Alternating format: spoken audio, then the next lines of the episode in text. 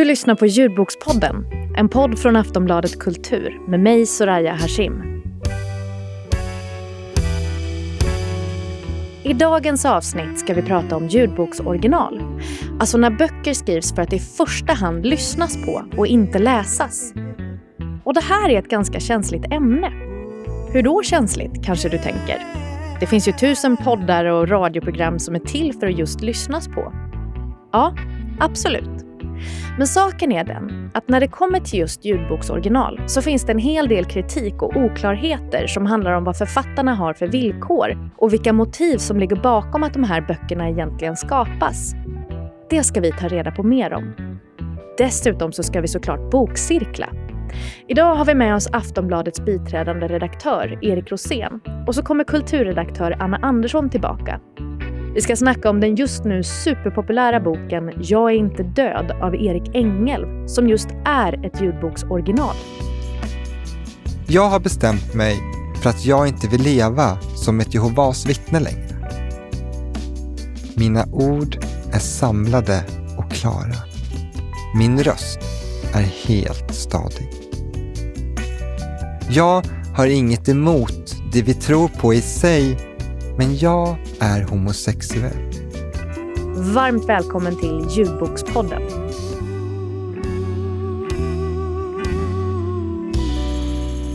Ljudboksformatet debatteras flitigt. Är det kvalitet? Är det bra kultur? Räknas det ens som läsning? Eller är man bara en latmask om man lyssnar istället för att läsa en bok?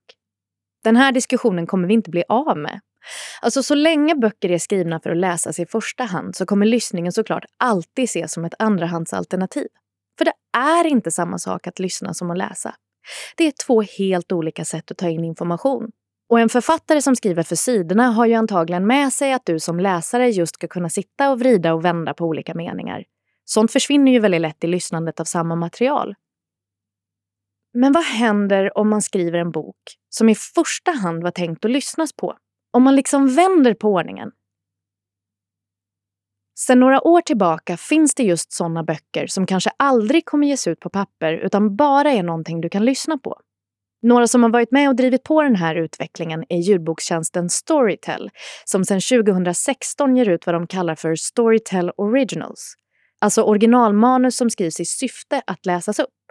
De här ljudböckerna finns inom olika genrer. Ibland är det en roman eller en självbiografi och ibland så är berättelserna uppbyggda som följetonger.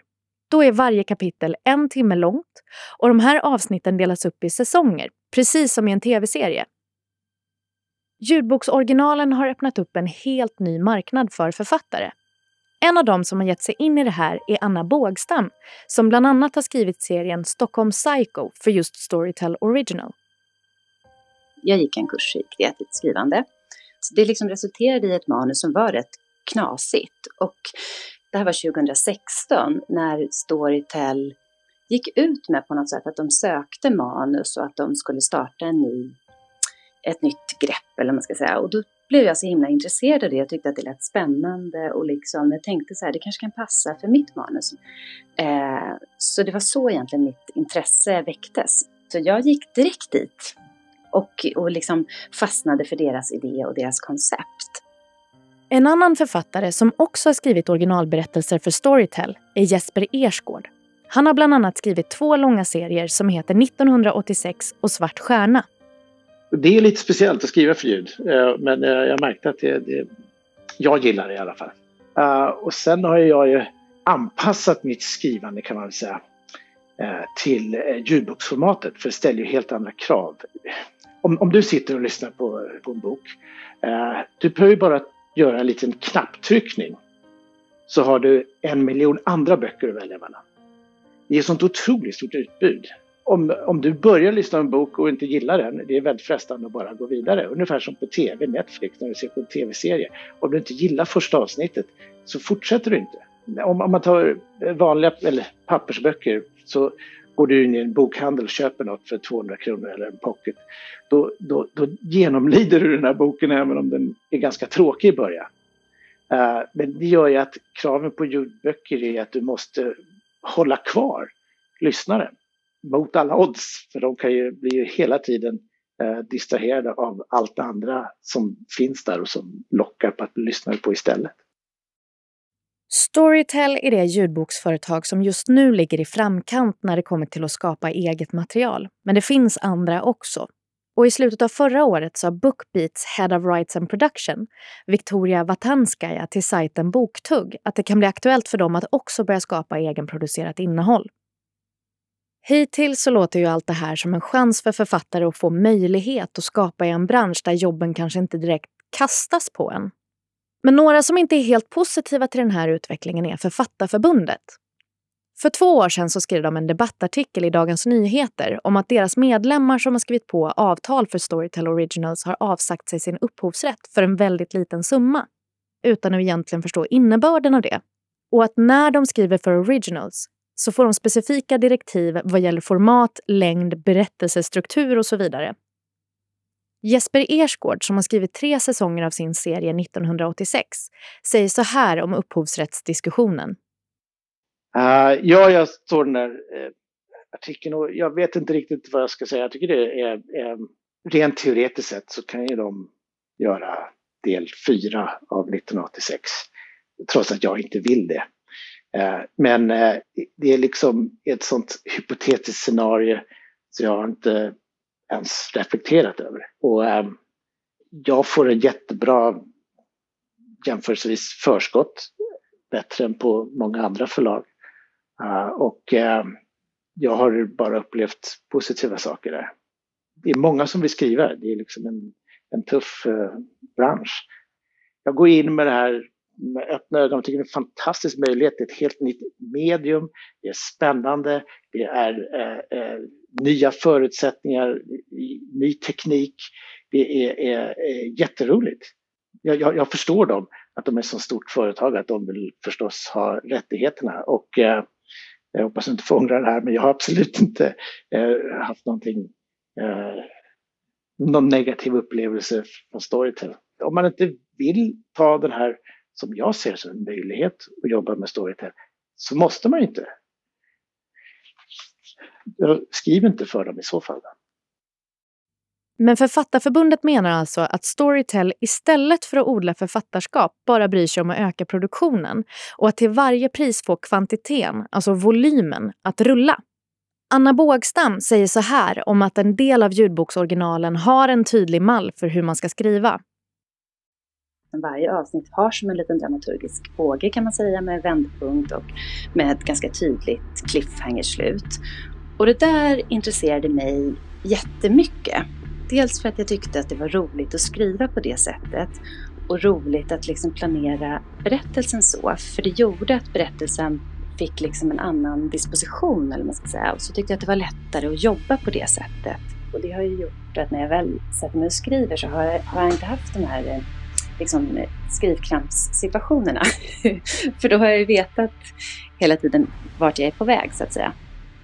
När den här diskussionen uppstod för två år sedan så svarade Rickard Henley, som är förlagschef på Storytel, att man får tänka på deras format mer som hur HBO eller Netflix jobbar med sitt originalinnehåll och att de upphovsrättsligt ligger mer i linje med det.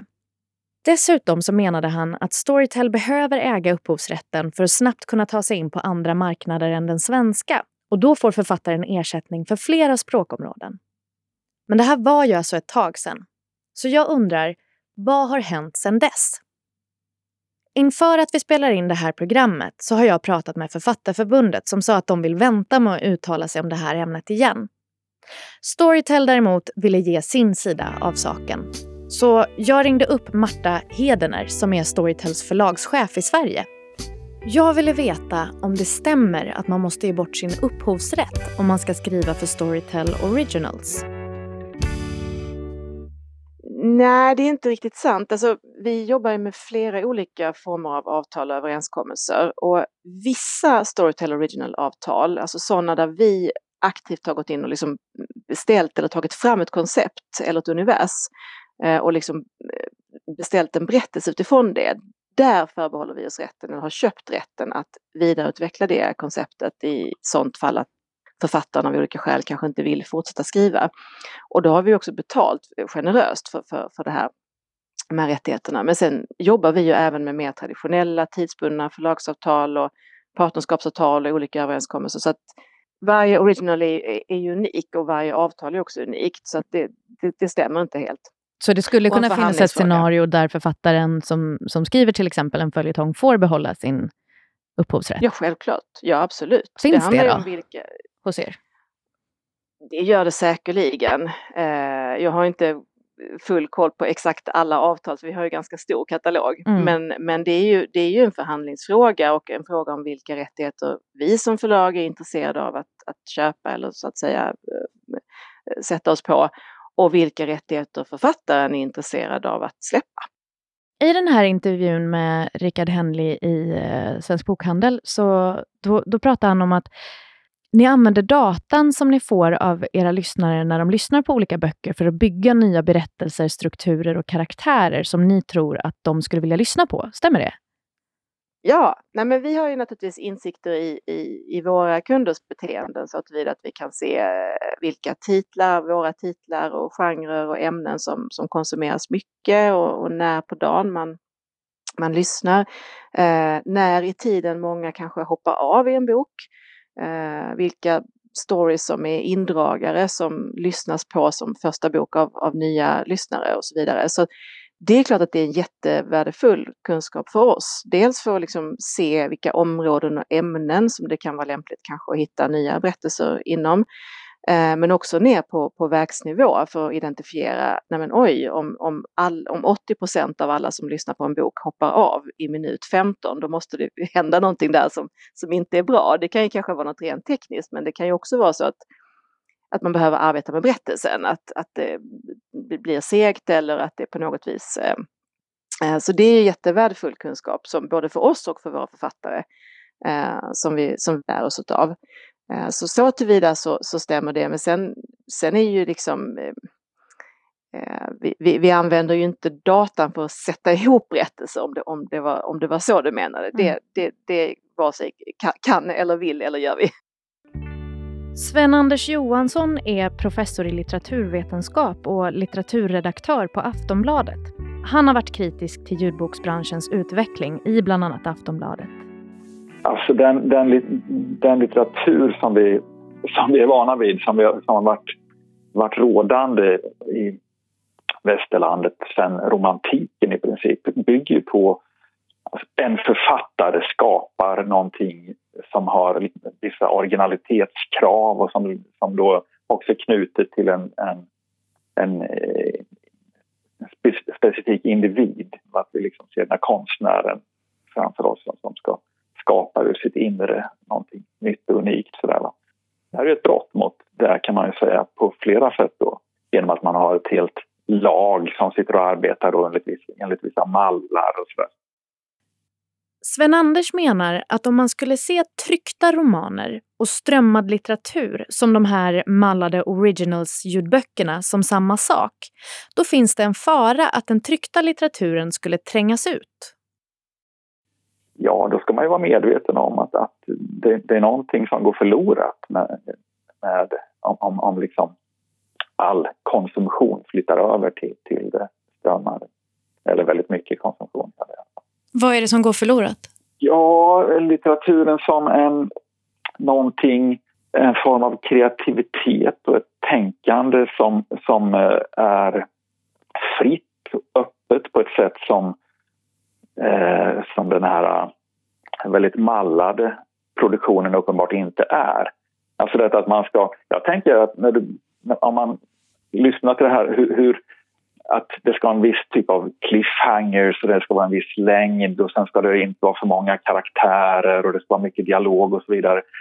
Det är ju så i så hög grad format i förväg så jag tycker man kan nästan se det som ett, Eh, ett steg tillbaka till hur litteraturen fungerade före 1700-talet. Alltså eh, innan litteraturen blev autonom och fri. För att Går man tillbaka till liksom 16 1700-tal eller 1500-tal då, då fungerade litteraturen ofta på det sättet att om man talar om repertoardiktning och tillfällesdiktning och så vidare. Att, att, bra litteratur var det som på något vis gav prov på att man kunde följa reglerna på, på ett adekvat och, och, imponerande sätt. Det fanns liksom inget krav där på att någon skulle säga någonting nytt utan man skulle bara visa, följa regelverket som det såg ut och, och då kunde det vara en hyllning till en ny kung eller vad det nu var. Va? Mm. Och det här är ju, det finns någonting i det här strömmade som påminner om det. Tycker jag. Regelverket är så strikt så att vi ska bara liksom förhålla oss till det och leverera gång på gång en ny berättelse som, som liksom fyller den här formen. Mm. Den här diskussionen är inte över och vi kommer säkert få höra massa mer från båda sidor i den här saken. Men för nu så kommer vi i alla fall lägga locket på i ljudbokspodden. För här är det dags att bokcirkla.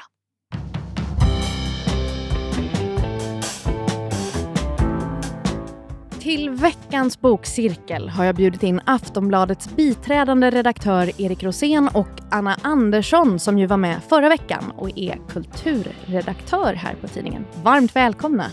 Tack snälla! Tack, tack! Anna, förra veckan så lyssnade ju du på din första mm. ljudbok, det stämmer mm. va? Det stämmer. Och den här veckan har du lyssnat på din andra. Mm. Börjar du komma in i det? Eh, jag, jag, har upptäckt att eh, man måste väl liksom hitta hitta tillfällen då man kan eh, lyssna på ett annat sätt. Man kan inte bara sitta rakt upp och ner i soffan och glo ut i luften och lyssna. Det, eller det funkar inte för mig i alla fall. Nej. Så att jag var liksom tvungen att hitta på sysslor. Så det är bra för mitt hem och hushåll att jag lyssnar på ljudböcker. Och ditt hantverk om jag har förstått det rätt? Ja, just den här veckan har broderiet legat nere lite. Men eh, jag har städat, jag har diskat, jag har promenerat, jag har gjort sånt. Mm. Ja. Fint. Eh, Erik, vad har du för relationer till ljudböcker sedan tidigare? Sen tidigare har jag en ganska begränsad relation till ljudböcker. Jag har lyssnat väldigt lite, eh, men har å andra sidan ju läst in eh, min egen bok som ljudbok. Så det är egentligen min, min huvudrelation till ljudboken, skulle jag säga. Mm. Ska du säga vad den heter nu då? Jag ångrar av hela mitt hjärta det där jag kanske gjort. Just det. En kort och bekväm titel. Veckans bok är skriven om någon som också är lite ny inom det här med ljudböcker, nämligen debutanten Erik Engelv och hans bok Jag är inte död.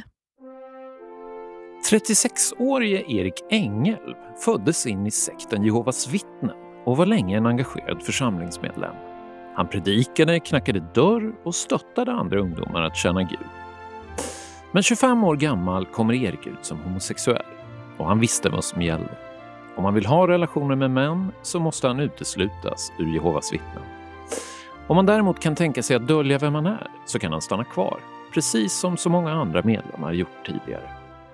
2009 lämnar Erik sekten och när det är dags för hans föräldrar att ta avsked och aldrig mer ses igen så kommer de hem på något han beskriver som en begravningsfika Eriks historia inspirerade Jonas Gardell att skapa karaktären Benjamin i tv-serien Torka aldrig tårar utan handskar från 2012. Det är min egen begravning.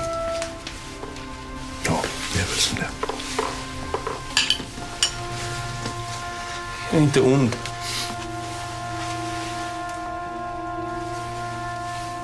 Nej, du är inte ond. Det är som det är. Så var det. Men nu har Erik Engelv skrivit sin egen version av berättelsen. Självbiografin Jag är inte död. Det är en originalberättelse för ljud och finns alltså bara på en ljudbokstjänst.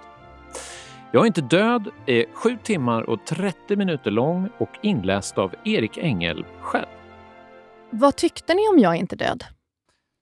Jag tycker att det är en, det är en otrolig historia han har. Han har eh, en, en berättelse som ganska få har och som ganska få kan förmedla.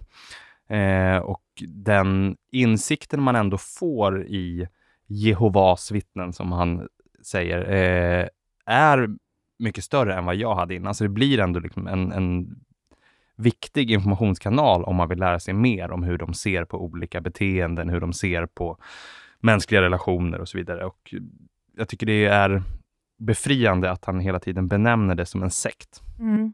Mm. Jag tycker samtidigt att det som är, gör boken så, liksom, som ger berättelsen styrka, det är ju ändå att han betonar hur lycklig länge var. Alltså så här, vilken varm och fin familj han hade och att han var ju väldigt hängiven i sektmedlem, eller vad man ska säga. Alltså, i, i, han, hade han inte varit homosexuell så hade han ju sannolikt blivit kvar i kyrkan och varit en, en, en äldre bror, heter det så? Förlåt? Äldste. Äldste Ja. idag. Eh, och det gör ju också att man förstår smärtan i brottet mycket mer. Alltså det är Mm. så lätt när man eh, står utifrån och aldrig har varit i närheten av en sån här församling att säga, nej men gud, så där ofritt kan man ju inte leva. Det är klart det måste gå. Han verkar ha älskat det. Ja, precis. Det, Det är en väldigt, väldigt styrka också att han lyckas förmedla eh, glädjen han känner i att vara ute och predika, det vill säga vara ute Ja, och knacka dörr. Det ringa jag var på. jättefina avsnitt. För det är ju så de flesta av oss eh, liksom har mött Jehovas vittnen. Mm. Eh, och där lyckas han verkligen ge bilden av engagemanget och gemenskapen och glädjen i att gå Mm, hushåll för Mm. hushåll. Allt det här som vi som aldrig varit i närheten av Jehovas vittnen tycker verkar så otroligt plågsamt, att gå och ringa på dörr efter Mm. dörr. Det beskriver han ju som någonting jättetrevligt, en så här rolig familjeutflykt som de gjorde regelbundet och de klädde sig fint. Alltså det är ju jättebra avsnitt i boken tycker jag. Och även när folk är på honom om att så här, få slippa göra de här rundorna och liksom hänga mer i församlingen och predika där, så, eller ta hand om, liksom, ja, men kanske få mer ansvar, så är han ändå så här, nej men jag vill predika. Mm. Det Mm. är min passion, Ja, det är det viktigaste. Liksom. Ja, han har väldigt stark gudstro helt enkelt. Länge. Ja. Ska Mm. vi prata lite om uttalet? Jehovas vittnen Ja. har vi nu lärt oss att det heter Ja. genom boken, för det säger Erik hela tiden. Jehovas vittnen. Det ligger inte lika bekvämt i munnen som Jehovas, Nej. som man alltid har sagt. Nej. Nej. Men vi får väl säga, för att inte appropriera någonting, så får väl vi också säga Jehova. Jehova. Precis. Även om det kanske är ett varumärkesproblem. Svåruttalat. Att ingen visste att det var så det hette. Anna, du har med dig ett klipp från när Erik var barn. Och I det här klippet så leker han kök utomhus. Han har smitit ut från familjens trädgård och satt sig precis vid järnvägsspåren som går förbi deras hem. Och eh, Hans mamma upptäcker honom där. Hon sätter sig på huk bredvid mig. Stolt visar jag upp mitt kök för henne. I ett hål har jag lagt en hög med blöta löv. Några stora stenar är mina kastruller. En liten bukett med maskrosor och maskrosblad som jag rivit upp med rötterna ligger redo för att bli en sallad. Mamma tycker att jag har gjort fint. Tillsammans lägger vi upp lite fler stenar i de olika urgröpningarna. Sen tycker hon att det är bäst att vi går hem. Ikväll är det möte i Rikets sal och vi ska hinna duscha, sätta på oss våra fina kläder och packa väskan med Bibel och Jehovas vittnens egen sångbok. Hon behöver inte övertala mig. Jag älskar att göra mig fin för Gud, Jehova. Vad kände ni kring hur han beskriver sin relation till familjen? Nej, men jag tycker det är ju som sagt styrkan i boken, hur fint han beskriver sin familj. Hur, hur nära framförallt sin mamma uppfattar jag det, han stod och hur tajta de var och hur mycket, vilken varm och fin mamma hon var. Mm. Eh, och som sagt var med det här klippet, att hur viktig kyrkan var, att han redan som liten pojke älskade att gå till rikets sal och hur viktigt det var i hans liv överhuvudtaget. Mm. Jag tycker att, eh, jag håller- håller verkligen med om det du säger, men, men det, jag har en annan liksom aspekt av det också, att jag tycker att han, han är allt för hänsynsfull ibland mot sina föräldrar, eh, sett över tid i boken. För att det han beskriver är ju en serie svek. Svek på svek på svek och ett, eh, en vägran att tillerkänna honom någon annan identitet eller position än den de redan har valt åt honom. Eh, och det, det finns ju någon slags ilska och bitterhet över detta som liksom sjuder under någonstans. Men den kommer inte riktigt ut i hur det här berättas, utan där är det väldigt, väldigt hänsynsfullt. Det är inte nödvändigtvis en svaghet i, liksom, i boken, men det är någonting som jag hela tiden påminns om när jag lyssnar. Men är inte det det som blir komplicerat då också när man skriver en självbiografi? Alltså, för att det handlar ju verkligen om var han själv Alltså, han, var han själv är någonstans i sin process kring det och sina känslor är ju det som kommer komma fram. Liksom. Han, eh, hur han känner. Jag tänker, Erik, din bok är ju också en självbiografi. Var det någonting du hade svårt för, eller svårt med? Ja, det är otroligt svårt att eh, skriva om eh, andra människor. Det är lättare i relation till min pappa som jag skriver främst om, som ju är eh, död sedan många år när jag började skriva boken, men otroligt mycket svårare i, i relation till min övriga familj och vänner jag skriver om. Eh, och då försöker jag ju vara liksom både sann, men också hänsynsfull och respektfull och framför allt undvika att eh, tala i deras namn eller att tillskriva dem åsikter eh, som de inte själva har uttalat. Liksom. Mm. Hur, hur, tycker ni att, eh, just det sista här du sa, hur tycker ni att Erik balanserar där i boken? Alltså Erik Engelv, i att inte tillskriva dem åsikter och känslor som jag tänkte på att i, i, ganska sent i boken så kommer ett kapitel som står ut väldigt mycket när, när han skriver, när, när, de har brutit, och så skriver han plötsligt ett kapitel utifrån sin pappas perspektiv. Mm. Eh, och det förvånade mig. Eh, det kanske är precis det som Erik säger, att han vill liksom lägga in ännu mer förståelse för, alltså att det smärtade även i pappan då förstås, att, att han hade brutit, att de hade brutit med sonen. Eh, men det var ju, det, det, stod ut, alltså det borde ha strukits helt enkelt, tänker jag. Mm. Eh, att inte tillskriva, inte sätta sig in i vad pappan kan ha tänkt och känt. Och att det, det, det, var ett kapitel, det fanns inga andra sådana kapitel. Jo, men det fanns väl ett av mamman också? I, I början så är det ett med mamman och, ur mammans perspektiv också, tror jag. Men skillnaden där, det, det kapitlet tycker jag är liksom lättare att motivera, för där har jag ju, det slutar uppenbarligen att hon har skrivit ett brev till honom mm. eh, med ändå en kärleksförklaring och ett fördömande kan man säga i brevet. Mm. Och han återger då ur hennes perspektiv vad hon tänker och känner när hon skriver det här brevet. Men för mig landar det ändå i att han har suttit med det här brevet och vet det. Och därför tycker jag att det känns... Har ändå mammans ord. Där. Han har ändå mammans mm. ord. Medan pappans blir mycket otydligare. Där berättar han bara att så här är det för pappa. Så här arg är han och så här, nu har han fått nog och så vidare. Och, och visst var det så att den scenen med pappan just handlade om hur pappan upplevde skildringen av honom i Torka aldrig tårar. Mm. Mm, att eh, så här, det här stämmer inte, det här är inte den mm. jag är, för att pappan i Torka aldrig tårar är så kall. Liksom.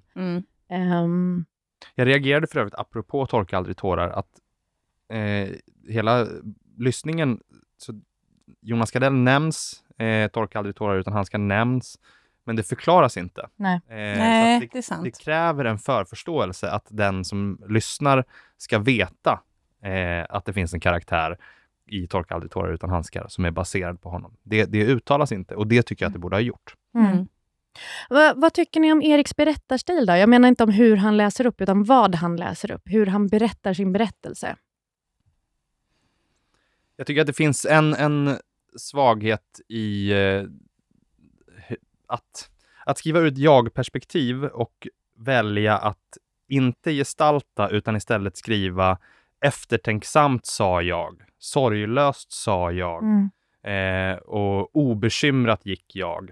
Eh, det skapar en distans. För här har man liksom ett, eh, ett förstahandsvittne. Han kan berätta det istället för att betrakta det. Eh, och det, det tycker jag är en, en liksom brist i hur den är skriven. Mm. Jag kan också känna att jag saknar någonting, för som sagt, det fanns den här liksom varma, lyckliga barndomen och så vet man att det ska komma ett brott och sen liksom ett vuxenliv utan kontakt med sina föräldrar.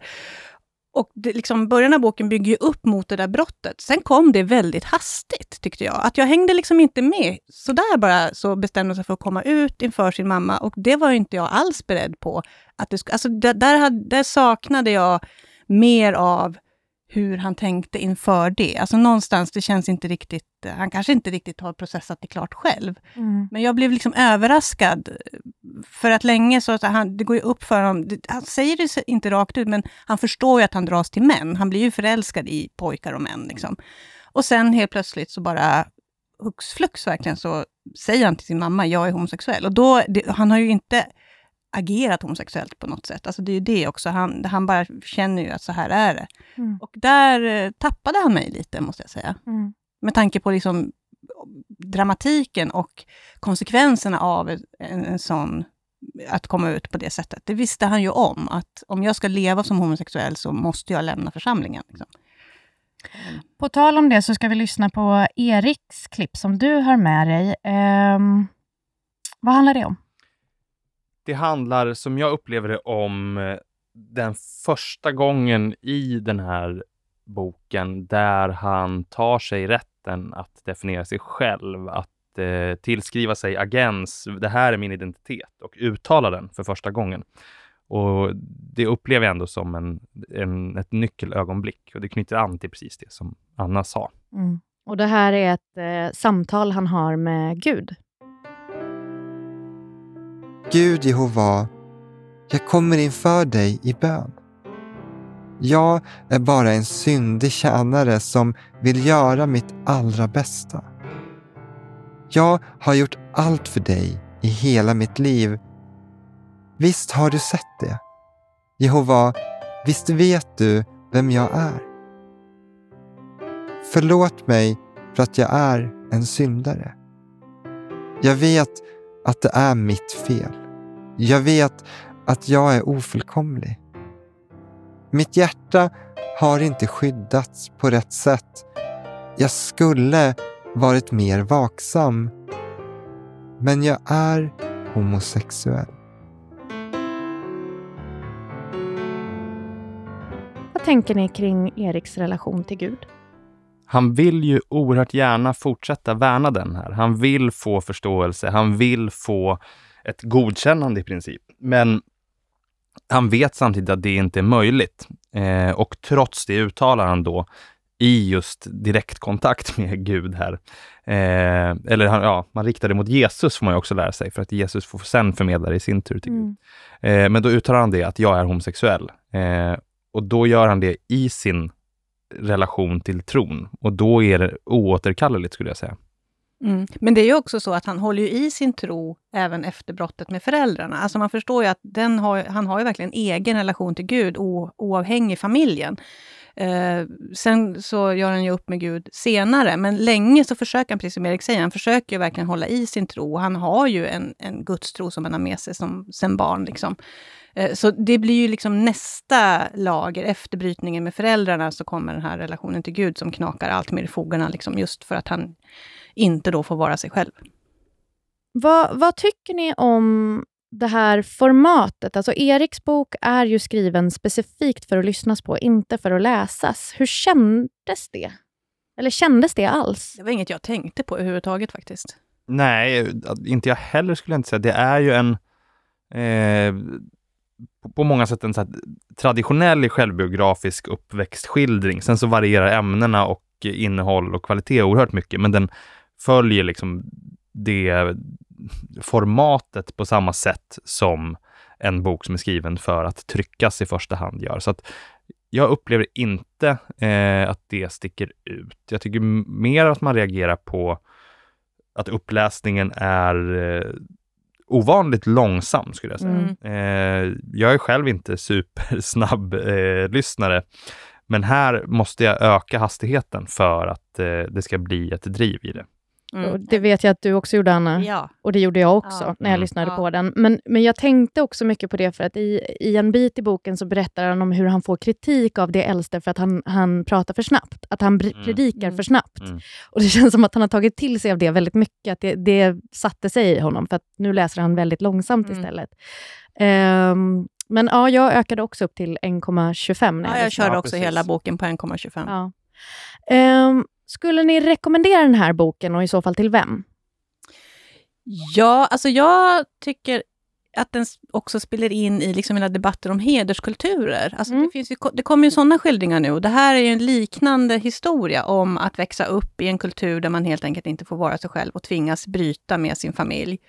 Eh, så är man intresserad av de frågorna, det är ju många som är, så tycker jag absolut man kan läsa den här boken, bara för att få ett annat perspektiv. Och liksom, Mm, Mm, nej, men jag tycker att det, en av de huvudsaker jag tar med mig från den är att jag lär mig mer om Jehovas vittnen, om den kulturen eller det sammanhanget och får liksom både en förståelse för och en ilska emot det. Och det tycker jag är, är liksom, det, det är någonting som jag verkligen tar med mig från den här. Mm. Jag tyckte också, även om, även om liksom eh, Erik, när han berättar, är... Ehm, ja, men han pratar nästan om sig själv i tredje person, så, så tycker jag ändå att Erik är jättebra på att skapa bilder. Alltså jag tycker det känns som att jag är med honom hela tiden. Det skapar en oerhörd empati för hur svår den här situationen är och kanske också att det känns som att jag på riktigt kan få en förståelse för vem Erik är. Mm. Eh, men jag håller med. Jag skulle rekommendera den till någon som eh, antingen är intresserad av hederskulturer eller Jehovas vittnen, som jag själv var väldigt nyfiken på innan. Om, man, om, han skulle, om han skulle fortsätta skriva, då skulle man ju vilja att han utforskade det som han är inne på i den liksom, senare delen av boken, som handlar om hans, egen, eh, hans egna kärleksrelationer Ja. och liksom, eh, vad hans uppväxt har gjort med honom i, och gett honom svårigheter att älska Knyta an. och knyta an och eh, ett, ett kallsinne som han själv beskriver det som när han lämnar någon. Att då stänger man dem ute precis Mm. som man stänger ute en förtappad Det är så församlingsmedlem. man hanterar uppbrott, liksom. Precis. man bara stänger ner. Och det, skulle, det hade jag gärna läst mer om. Liksom. Tips till Erik Engelv, Mm. helt enkelt. Tack så jättemycket Erik Rosén och Anna Andersson för att ni var med och bokcirklade med mig. Tack själv. Tack snälla. Ljudbokspodden är slut för idag och vi som har gjort programmet är producent Martin Ågård och bokcirkelpanelen bestod av Anna Andersson och Erik Rosén. Jag heter Soraya Hashim. Ljudbokspodden är en produktion från Aftonbladet Kultur. Vi hörs snart igen. Du har lyssnat på en podcast från Aftonbladet. Ansvarig utgivare är Lena K Samuelsson.